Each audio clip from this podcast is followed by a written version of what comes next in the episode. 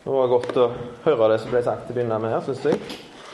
I eh, Johannes 7 så står det, så ble jeg sitert litt ifra i, i bønn her. Men på den siste 737. Men på den siste, den store dag i høytiden. Og det var, Den høytida var ikke hva som helst. Det var julaften og 17. mai på en gang det for for jødene. Det var, det, det var høydepunktet. Da var de samla i Jerusalem, og så bodde de i, i telt, i hytter, løvhytter. Hele familien. Og så nøt de hadde de nettopp høsta inn frukt og, og, druer. Og hadde blitt vin av det. Og de, hadde, de, hadde, feirte Guds godhet. Og, og det var sikkert for ungene spesielt var det noe av det kjekkeste som var i hele året. Og så står Jesus og sier på den siste, den store dagen Er det noen av dere som ikke er fornøyde ennå? Er det noen av dere som tuster ennå? Etter alt denne feiringen? Etter alt dette kjekke? Er det noe som mangler? Og så sier han det at den, den som tyster, om noen tørster, han kommer til meg og drikker. Den som tror på meg, som Skriften har sagt, fra hans indre skal det flyte strømmer av levende vann. Ikke bare at det skal bli tilfredsstillelse inni, men at det skal flyte noe ut til andre òg. Dette sa han, sier Johannes til oss da, om den ånd de skulle få, de som trodde på ham. For ånden var ennå ikke gitt, fordi Jesus ennå ikke var herliggjort. Og så står det i, i 1. Korinterbrev 2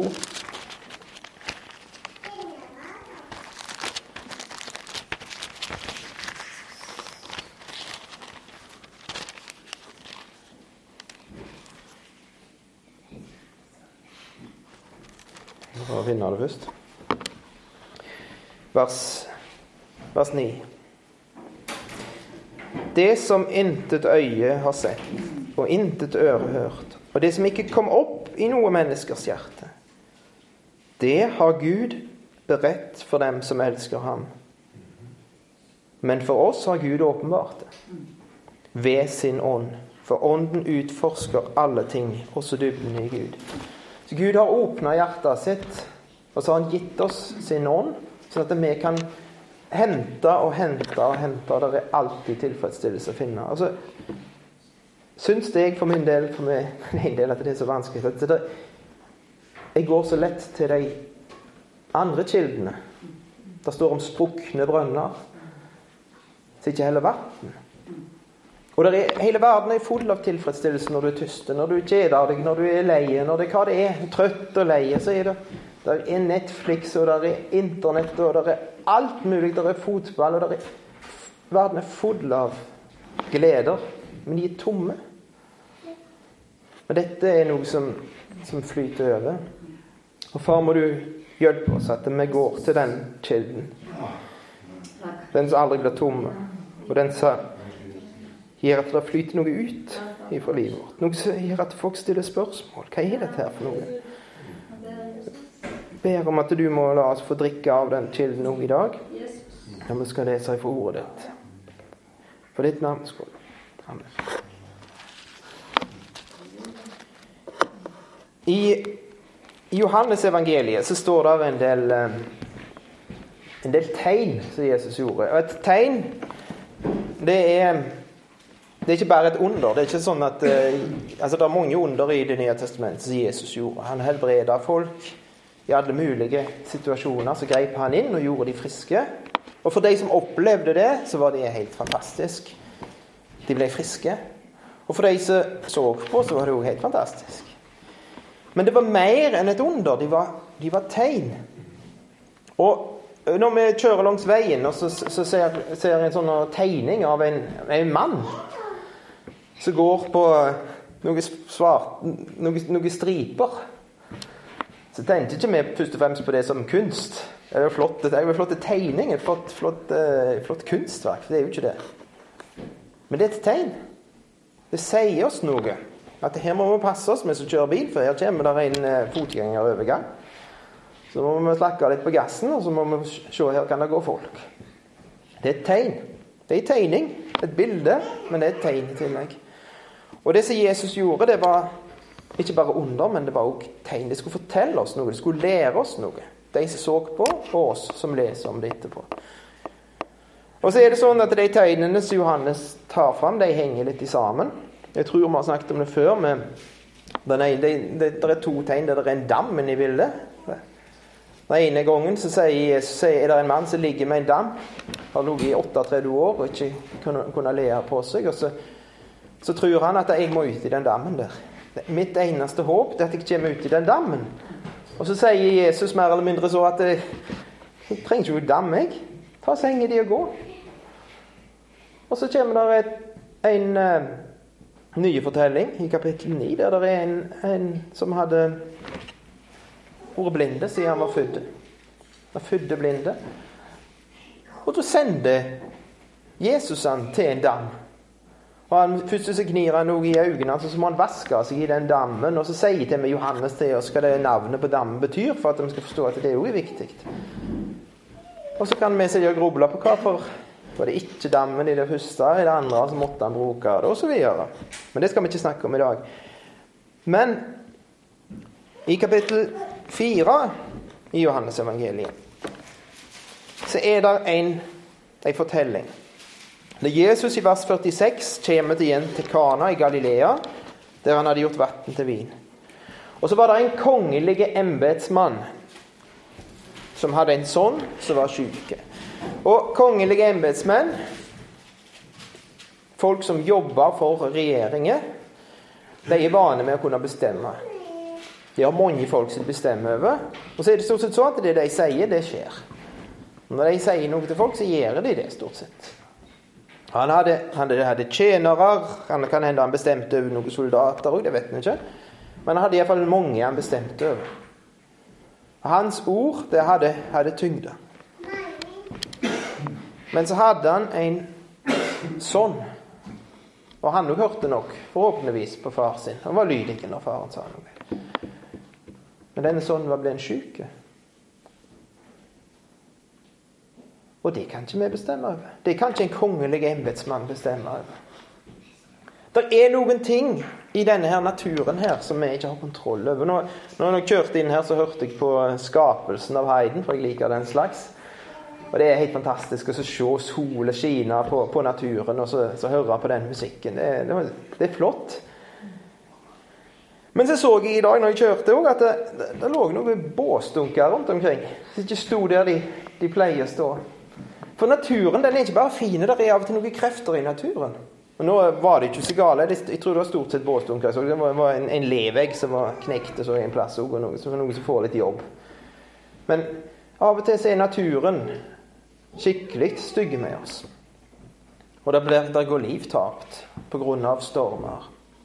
Og så i naturen så er det ting, bakterier, virus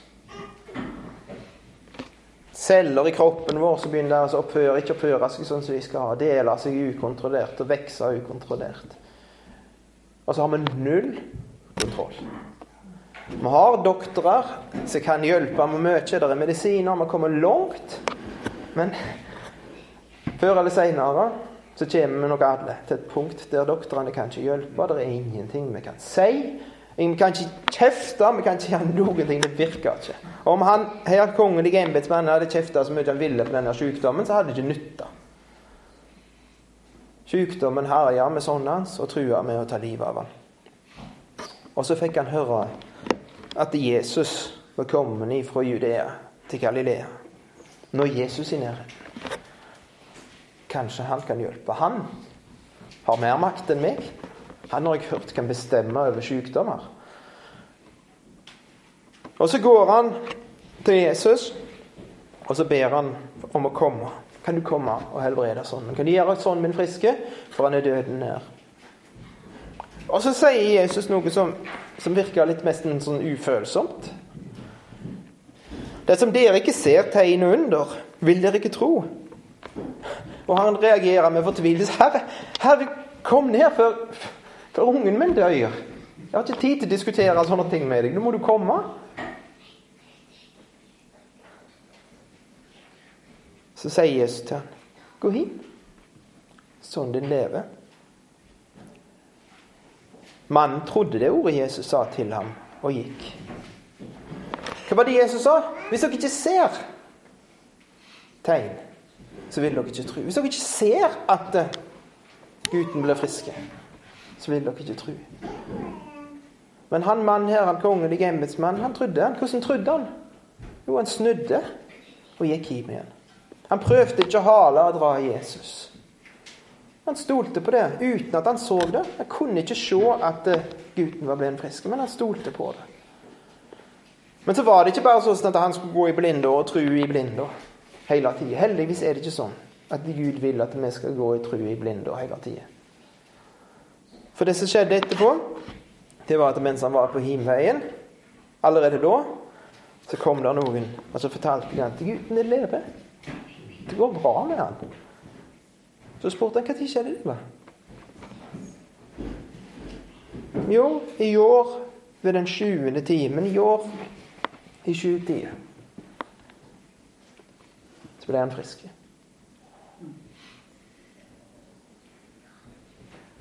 Og faren skjønte at det var akkurat da Jesus hadde sagt til ham. Hva hadde han sagt til ham? Din sønn lever. Ikke 'din sønn skal bli frisk'.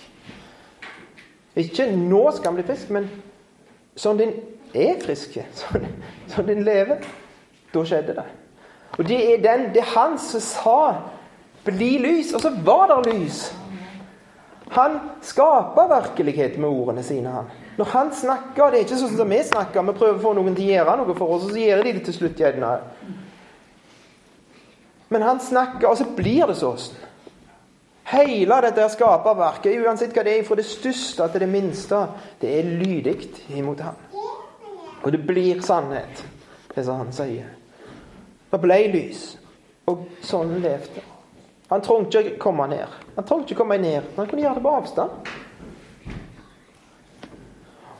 Og nå har vi en Gud som vi opplever som langt vekke av og til. Og Jesus han går ikke rundt her på jorda. Vi kan ikke ta fly ned til å høre at Jesus er i nærheten, og så ta fly og så få tak i han og prøve å få han til å komme her til og hjelpe for at noen av oss er syke eller vi er i vanskeligheter på noe slags vis. Han for opp til himmelen, men han kan gripe inn derifra. Akkurat som han kunne her. Han trenger ikke komme ned for å gripe inn. Og vi kan gå til han i de situasjonene der vi har null kontroll. Og så kan vi spørre han om å gjøre noe, og så gjør han noe. Av og til så gjør han ikke det som vi forventer, men han gjør noe. Han hører, og han har makt. Og den truer til han han som først måtte gå i blinde og tro og stole på Jesus. Stole på at det var sant, det som Jesus hadde sagt. Og så fikk han høre noe. Da, ble, da voks nok trua hans litt. Grann. Da fikk jeg skikkelig tru på at dette faktisk var skjedd. Men kanskje det var en liten tvil i hjertet hans likevel. Og så kom han hjem, og så så han gutten. Jo, han er blitt frisk. Sånn er livet med Gud. Vi får oppleve nye ting, og så blir trua sterkere. Og det er ikke bare han som trodde, men hele familien hans og hele, hele tjenerne alt. De trodde på Jesus, for de hadde sett dette. Og så skal vi bla da til den andre fortellingen som henger sammen med denne. og Det er i Johannes 11. Det er en mye lengre fortelling.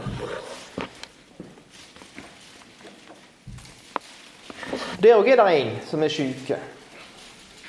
En av Jesus sine beste venner, Lasarus fra Betania. Det var tre søstre, Martha, Maria og Lasarus, bodde i lag. Det virka som de var ugifte. Så hadde de en him i lag der Jesus følte seg hjemme. Der han ofte var på besøk. Og Jesus var blitt glad i den familien. Han var glad i Lasarus. Men så var ikke Jesus der akkurat da. Og så ble Lasarus syk. Og så tenker de nå skulle Jesus vært her. Akkurat som han tenkte han, han kongelige embetsmannen. Nå skulle Jesus vært her. Må få tak i han. Han kommer nok når han får høre at Lasarus er syk. Da kommer han. Og så sendte de. De hadde verken SMS eller telefon eller noen ting. Så de måtte sende noen for å få tak i Jesus der han var. Og det tok litt tid. Det må i alle fall ha tatt to dager etter det vi leser her. Eller iallfall én. For Lasarus var syke. Og så fant de til slutt Jesus, de som var sendt ut.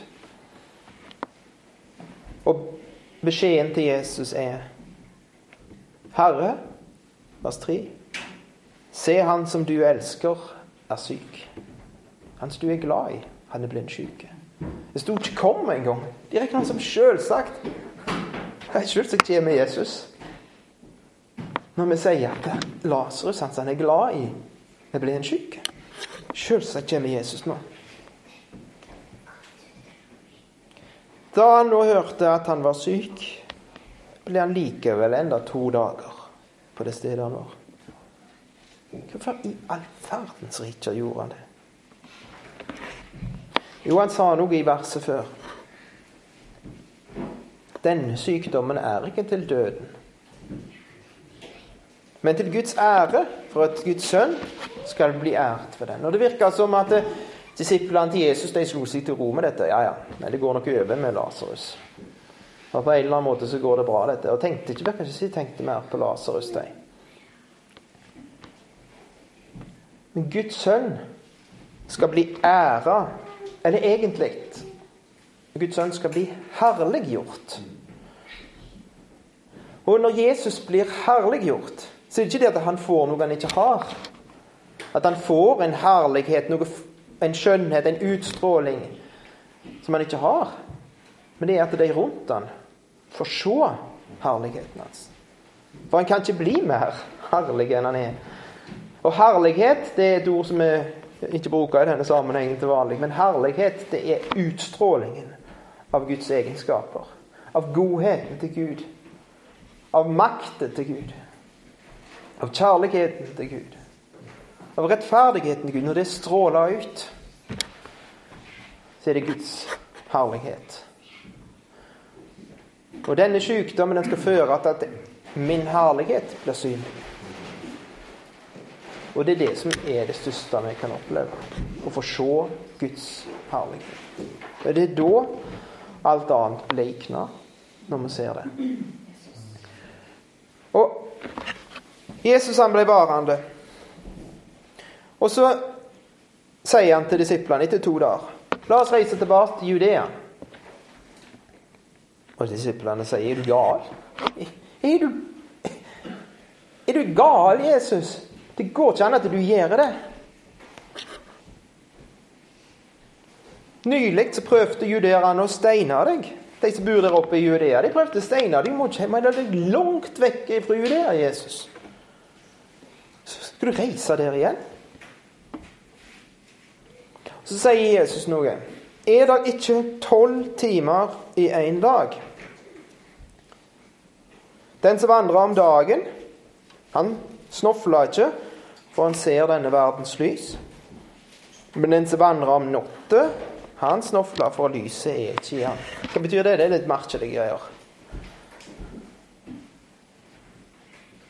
Den han, den som går om dagen, han ser denne verdens lys, men den som går om natta, han snofler, for lyset er ikke i han. Denne verdens lys, det er den der kula som, som vi ser der oppe. Som vi ikke ser så ofte. Så hvis dere glemt ut hva det er for noe, så er det sola, kaller vi den.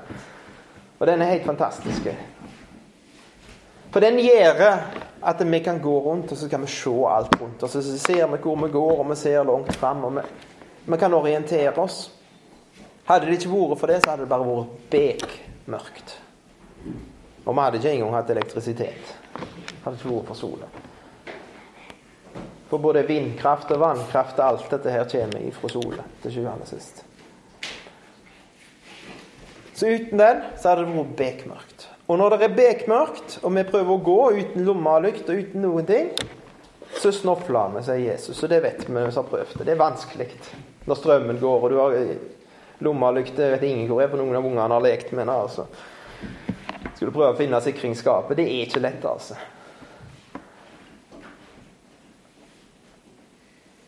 Da er det lett at du trør på noe Lego, iallfall.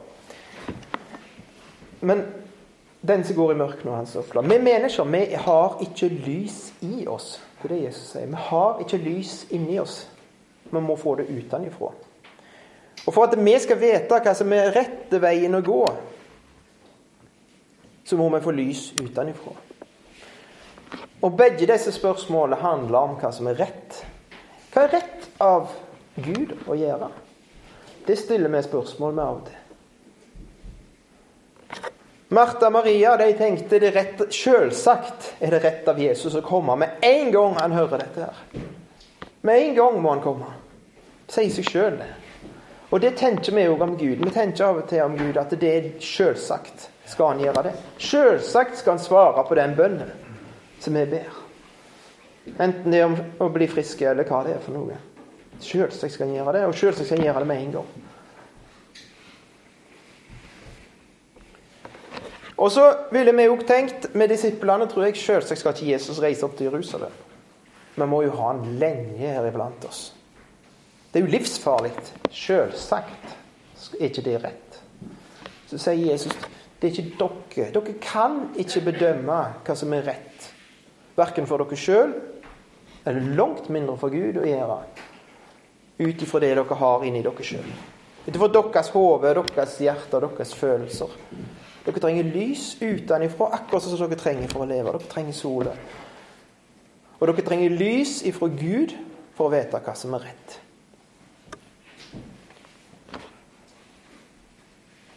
Og så sier han, men nå, nå skal vi gå. Lasarus er sovna.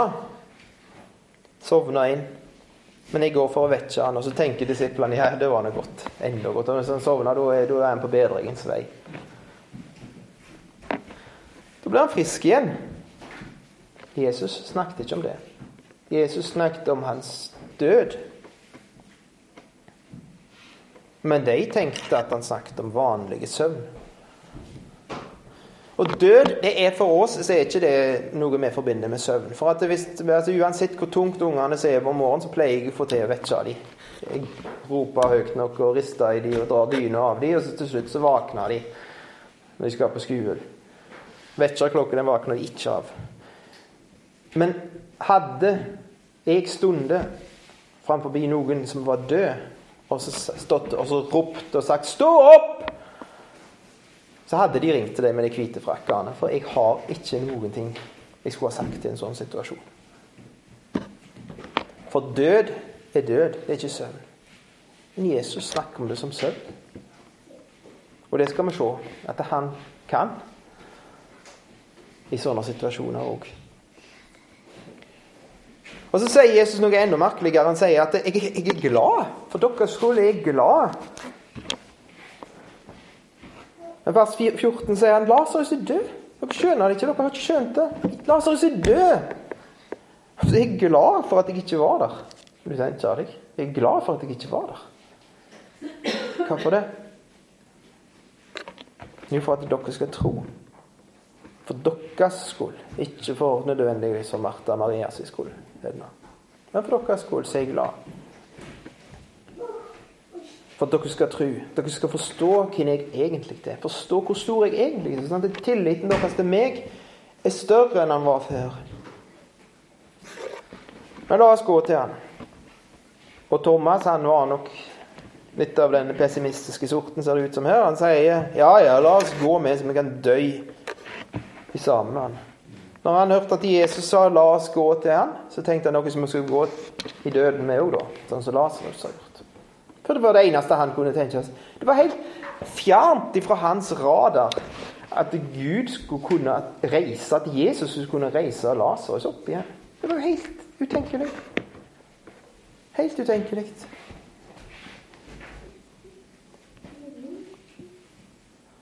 Og Så kommer Jesus fram. Og så finner han ut at Lasarus har ligget fire dager i graven. Og de har grener og de har søkt og de har tenkt hvorfor kom ikke Jesus? Hvorfor i all verden kom han ikke Vi sendte jo folk etter ham, og de kom jo fram, og så kom han ikke. Fire dager etterpå. Og Da kommer folk for å trøste dem. Men så hørte Martha at Jesus var kommet. Og så spurte hun, sa hun det som var helt naturlig. Hadde du vært her? Og det ligger et stort spørsmål i det. Hadde du vært her? Hvorfor kom du ikke? Hvorfor var du ikke her, Jesus? Det er ikke det spørsmålet som jeg av og til lurer på? Hvorfor var du ikke her? Hvorfor kom du ikke?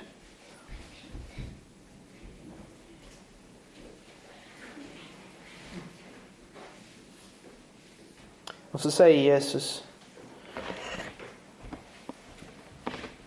Broren skal stå opp. Og hun klarer ikke helt å tro det. Hun sa rett før at alt det du ber om, vil Gud gi deg. Men hun klarer ikke å tro det likevel. Hun vet liksom i teorien. Ja, kanskje Jesus kan nok gjøre noe ennå. Men jeg, jeg kan ikke tro det. Så sier Jesus, 'Bror din skal stå opp'. Så jeg, ja, ja, vet jo det. Han skal stå opp igjen. Nå hadde de døde står opp. I oppstandelsen på den siste dag. Da sier Jesus til meg, 'Jeg er oppstandelsen av livet'. Oppstandelsen er ikke der framme. Den står her. Den som tror på meg, han skal leve om han enn dør. Hadde ikke Lasarus død, så hadde ikke vi fått høre det heller. Tenk hvor mange det er råd til trøst for. Den som tror på meg, skal leve om han enn dør. Og den som lever og tror på meg, skal aldri i evighet dø. Tror du dette? Ja, Herre. Jeg tror at du er Messias, Guds sønn. Og så går hun og så kviskrer hun til, til Maria må du komme. Mesteren her og roper på deg. Og hun reiser seg fort og går til Jesus. Jesus er utenfor landsbyen. Og så ser de at de som er der for å trøste henne og grine med henne, de ser at hun reiser seg fort opp og går. Så går de i lag med henne, for de tenker at nå nå skal hun gå til graven for å grine der. Og så skal de være med henne. Og så kommer Maria til Jesus, og så sier hun akkurat det samme spørsmålet. Hadde, du her? Da hadde ikke broren min vært død. Og når Jesus så vers 33 at hun grein, så de andre grein. Hun så sorgen. Hva skjedde med han da? Han ble opprørt i sin ånd og skalv. Og så sier han 'Hvor har dere lagt han?' Og så sier de 'Herre, kom og se'. Jesus gråt. Og vi tror på en allmektig Gud. Vi tror på en allvitende Gud. Vi tror på en Gud som visste enden ifra begynnelsen, som forkynner enden ifra begynnelsen. Men han er ikke en gud som står på avstand og så bare ser på. Og så har han sett filmen før, og så skjer alt verdenshistorien, og så skjer det vonde ting i livet vårt, så vet han alt på forhånd. Og så er han ikke med i det hele tatt. Akkurat som når vi ser en film vi har sett ti ganger før. Vi har en Gud som er med i historien. Som er med oss i historien. Og som kjenner på de følelsene som vi kjenner på i mye større grad enn vi kjenner på. Et rent hjerte. Et hjerte med en kjærlighet som overgår alt annet. Jesus gråt. Man visste jo jeg skal jo reise han opp igjen om ti minutter. Hvorfor grein han? For han var med de i sorgen. Og kjente på håpløsheten. Og kjente på smerten.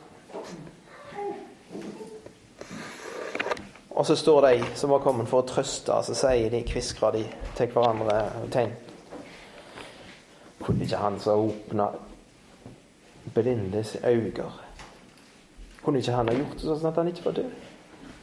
Hva er dette greiene?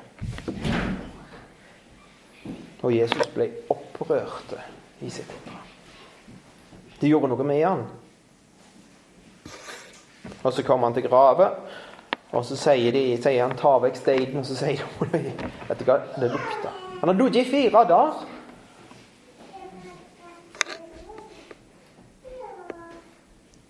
Sa jeg deg ikke at dersom du tror, skal du se Guds herlighet? Og spurte.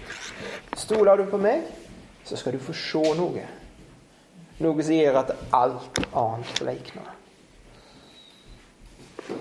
Stol på meg. Så tok de steinen vekk. Så sier, løfter Jesus øynene mot himmelen, og så sier han, 'Far, jeg takker deg, for du har hørt meg.' Jeg visste jo at du alltid hører meg. Men for folket som står her rundt i skolen, sa jeg det. For at de skal tro at du har sendt meg. Og så ropte han Lasarus, kom ut! Og så kom han ut. Bonden og hele kroppen av liksvøpen gikk sikkert også dette. Men han kom ut. Ombundet med liksvøp på føtter og hender. Og med svetteduk rundt, rundt øynene. Tenkte sjåfører deres syn. Løs han og la han gå, sier Jesus. Og så gjorde de det. Og så fikk de se Guds herlighet. Hvorfor kunne ikke Jesus ha helbreda på avstand? Hvorfor måtte de gjennom de vanskelighetene? Hvorfor måtte de gjennom lidelse? Hvorfor måtte de gjennom sorg? Hvorfor må vi oppleve at vi ber og ber og ber og ber, og så vinner kreften til slutt?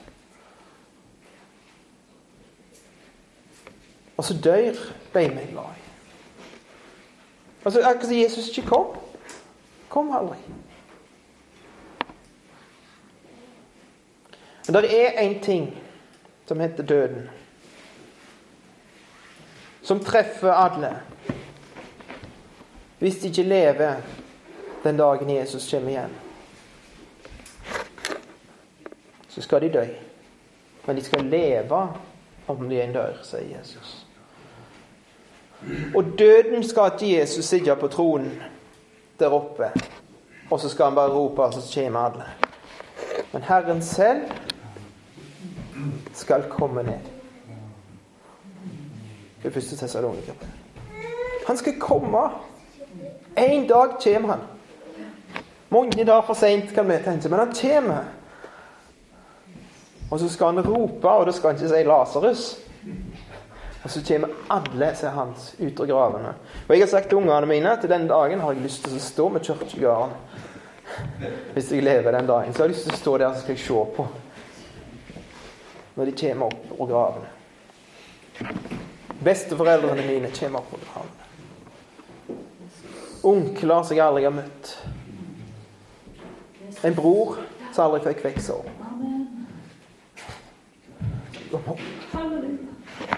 For hjemme. Og så skal vi se hans herlighet. Vi skal se han som han er.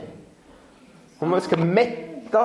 Vi skal bli mette av hans ansikt. Det er det vi venter på. Og Derfor så må vi gå gjennom sånne situasjoner der vi roper, så skjer det ikke noe. Og så er det av og til så òg i dette livet at vi får til slutt svar i dette livet. Men vi må gjennom vanskelige ting. Og Peter sier det at ikke, ikke tenk at det er noe merkelig som skjer med dere når dere må gjennom vanskelige ting og lidelser. For det er noe som skjer med det. Troen deres den blir rensa og blir som gull. Og så ser vi Jesus på en annen måte etterpå. En større Jesus. Ikke bare en sånn tryllekunstner, en superdoktor som kan komme og fikse opp når vi sliter, når vi ikke kan si noe lenger. Men den hellige, herliggjorte, Guds veldige sønn og han gleder vi oss til å se. Og han venter vi på. Og nå lever vi i den tida der vi venter. Vi får Det er faktisk så at han ble forkasta. Og han regjerer ikke i makt og herlighet på denne jorden lenger. Derfor må vi forvente det. Det skjer katastrofer, det skjer naturkatastrofer. De treffer troende like mye som de treffer de som ikke tror. Syk, troende blir ikke mindre syke enn de som ikke tror. Og jeg vet ikke om de overlever oftere heller, til sjuende og sist. Men han kommer igjen. Han kommer igjen, og da skal han komme i makt og stor herlighet. Hvert øye skal se han. Og da skal vi få være med han. Vi skal komme i lag med han. Han skal rykke oss opp, og så skal vi komme i lag med han. Som vi har sett vår lite. Det folk lurer på kunne han ikke Kunne han ikke gjort noe, han? Kunne han ikke, han som de sier gjorde alle disse flotte tingene for 2000 år siden? Kunne han ikke? Da skal de få se han. Hans ærlighet. Og far, jeg takker deg for at du er en sånn Gud som har gitt oss noe større enn alt som er rundt oss. Noe som kan, kan være stort og herlig for oss midt i den vanskeligste, den mørkeste natta. Et lys lyser. En morgenstjerne. Og en gang skal den gå opp i hjertene våre. Og så kommer morgenen. Morgenen uten skyer. Og solen skal stå opp i denne verden. Og jeg ber om at det må skje snart. At, at din sønn må komme. Og jeg ber for alle de som er rundt oss, som ikke kjenner ham. At, de må få, at vi må få lov å vise dem noe ut ifra ordet ditt. Og at de ser noe i vårt liv som gjør at de, de, kjenner på denne tusten. Altså kan de få gå og få drikke av denne kilden. Jesu navn. Velsigne denne forsamlingen her òg. Signe alle som er Begge de hendene dine. La navnet ditt stråle fram og her i Lia her òg. Amen.